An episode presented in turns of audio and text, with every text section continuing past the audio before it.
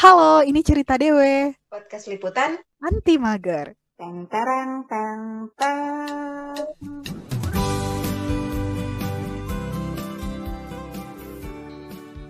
Bismillahirrahmanirrahim. Assalamualaikum warahmatullahi wabarakatuh.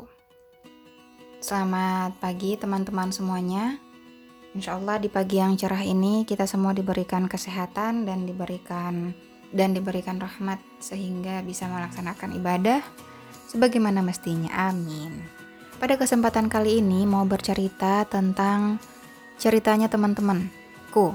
Jadi pada saat itu temanku eh, bercerita kalau kompleks rumahnya itu marak banget pencurian dan barang-barang yang dicuri itu barang-barang yang semacam kompor, gas, uh, sama apa lagi ya, macam-macam lah sampai tanaman. Tanaman ibu-ibu kan sering apa ya di pandemi kayak gini kan marak lagi ya nanam-nanam tanaman kayak gitu. Nah itu juga dicuri, pot-pot bunga itu dicuri. Nah kemarin temanku juga kemalingan nih rumahnya kena musibah. Rumahnya kemalingan, tapi yang dimaling itu ayam ternak bapaknya. Jadi di belakang rumahnya itu ada kandang ayam. Nah ayamnya kalau malam dimasukin situ. Iyalah kan kandang ayam gimana sih? Nah ayamnya dimasukin kandang. Tapi ada juga nih ayam yang nggak dimasukin kandang tapi tidurnya itu di atas pohon. Dan yang menariknya yang dicuri itu adalah ayam yang di dalam kandang bukan ayam yang di atas pohon. Entah ayam yang di atas pohon ini nggak kelihatan atau memang mereka mengincar ayam yang di dalam kandang. Mungkin mereka mikir kalau di dalam kandang adalah ayam yang terawat kali ya. Mungkin kayak gitu ya pemikiran si pencurinya ini. Nggak tahu juga.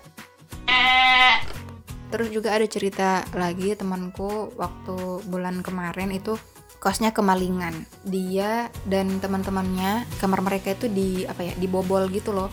Dibuka terus dicari barang-barang yang kiranya bisa dijual ulang gitu. Mungkin para pencuri ini ngincarnya laptop kali ya laptop sama HP sama dompet. Nah kedarallahnya kosannya temanku itu tidak ada yang hilang, kamarnya itu tidak ada yang hilang. Mungkin mereka ya tadi ya, mereka ngincar laptop sama HP dan pada saat itu posisinya temanku lagi tidak ada di kosan. Tapi di dalam kamarnya itu ada kamera sama iPad. Tapi uh, alhamdulillah iPadnya sama kameranya sama HP-nya itu nggak nggak dicuri karena tempatnya karena iPad punya dia dia taruh di atas lemari di antara berkas-berkas terus kamera kameranya dia taruh di dalam tas ukuran gede gitu di dalam dicampur sama peralatan-peralatan gitu. Jadi si pencurinya tidak nyangka nih kalau di antara berkas-berkas yang di atas lemari itu ada iPad.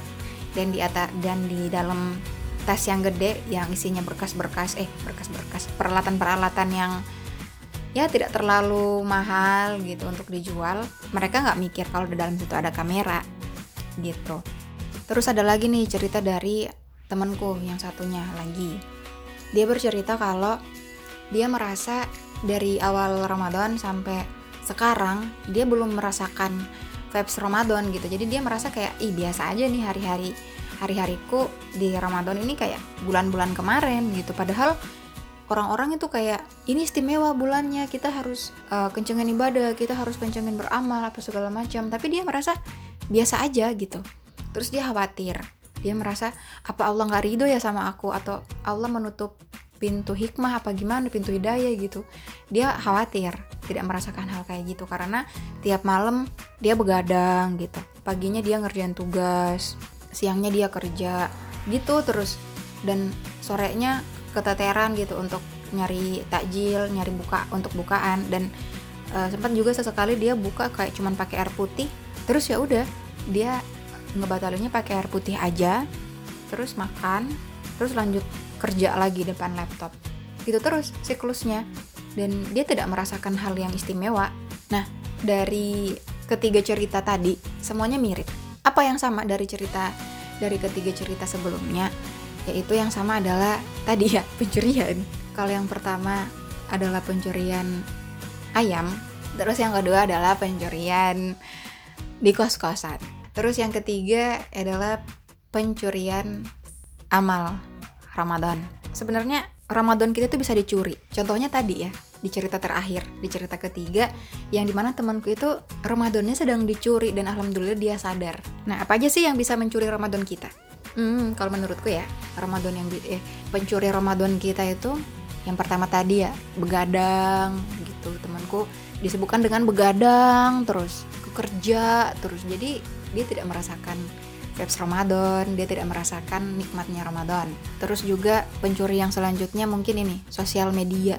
Jadi kita ter, dibikin terlena selain media sosial, mungkin e, terlalu banyak agenda kali ya, terlalu banyak agenda. Misalnya buka barang apa alumni TK, alumni SD kosong berapa lah, apalagi SD-nya yang banyak ya pindah-pindahan.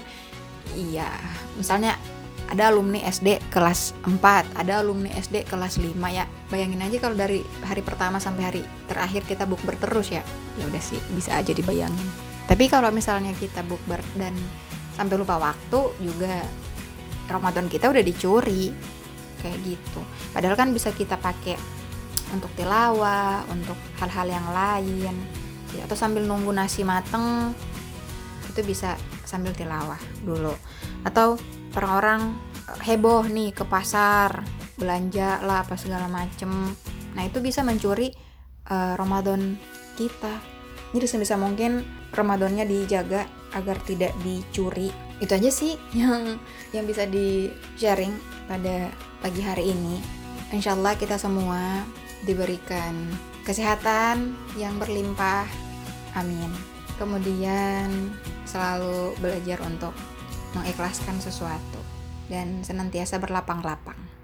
Amin. Terima kasih sudah mendengarkan. Assalamualaikum warahmatullahi wabarakatuh.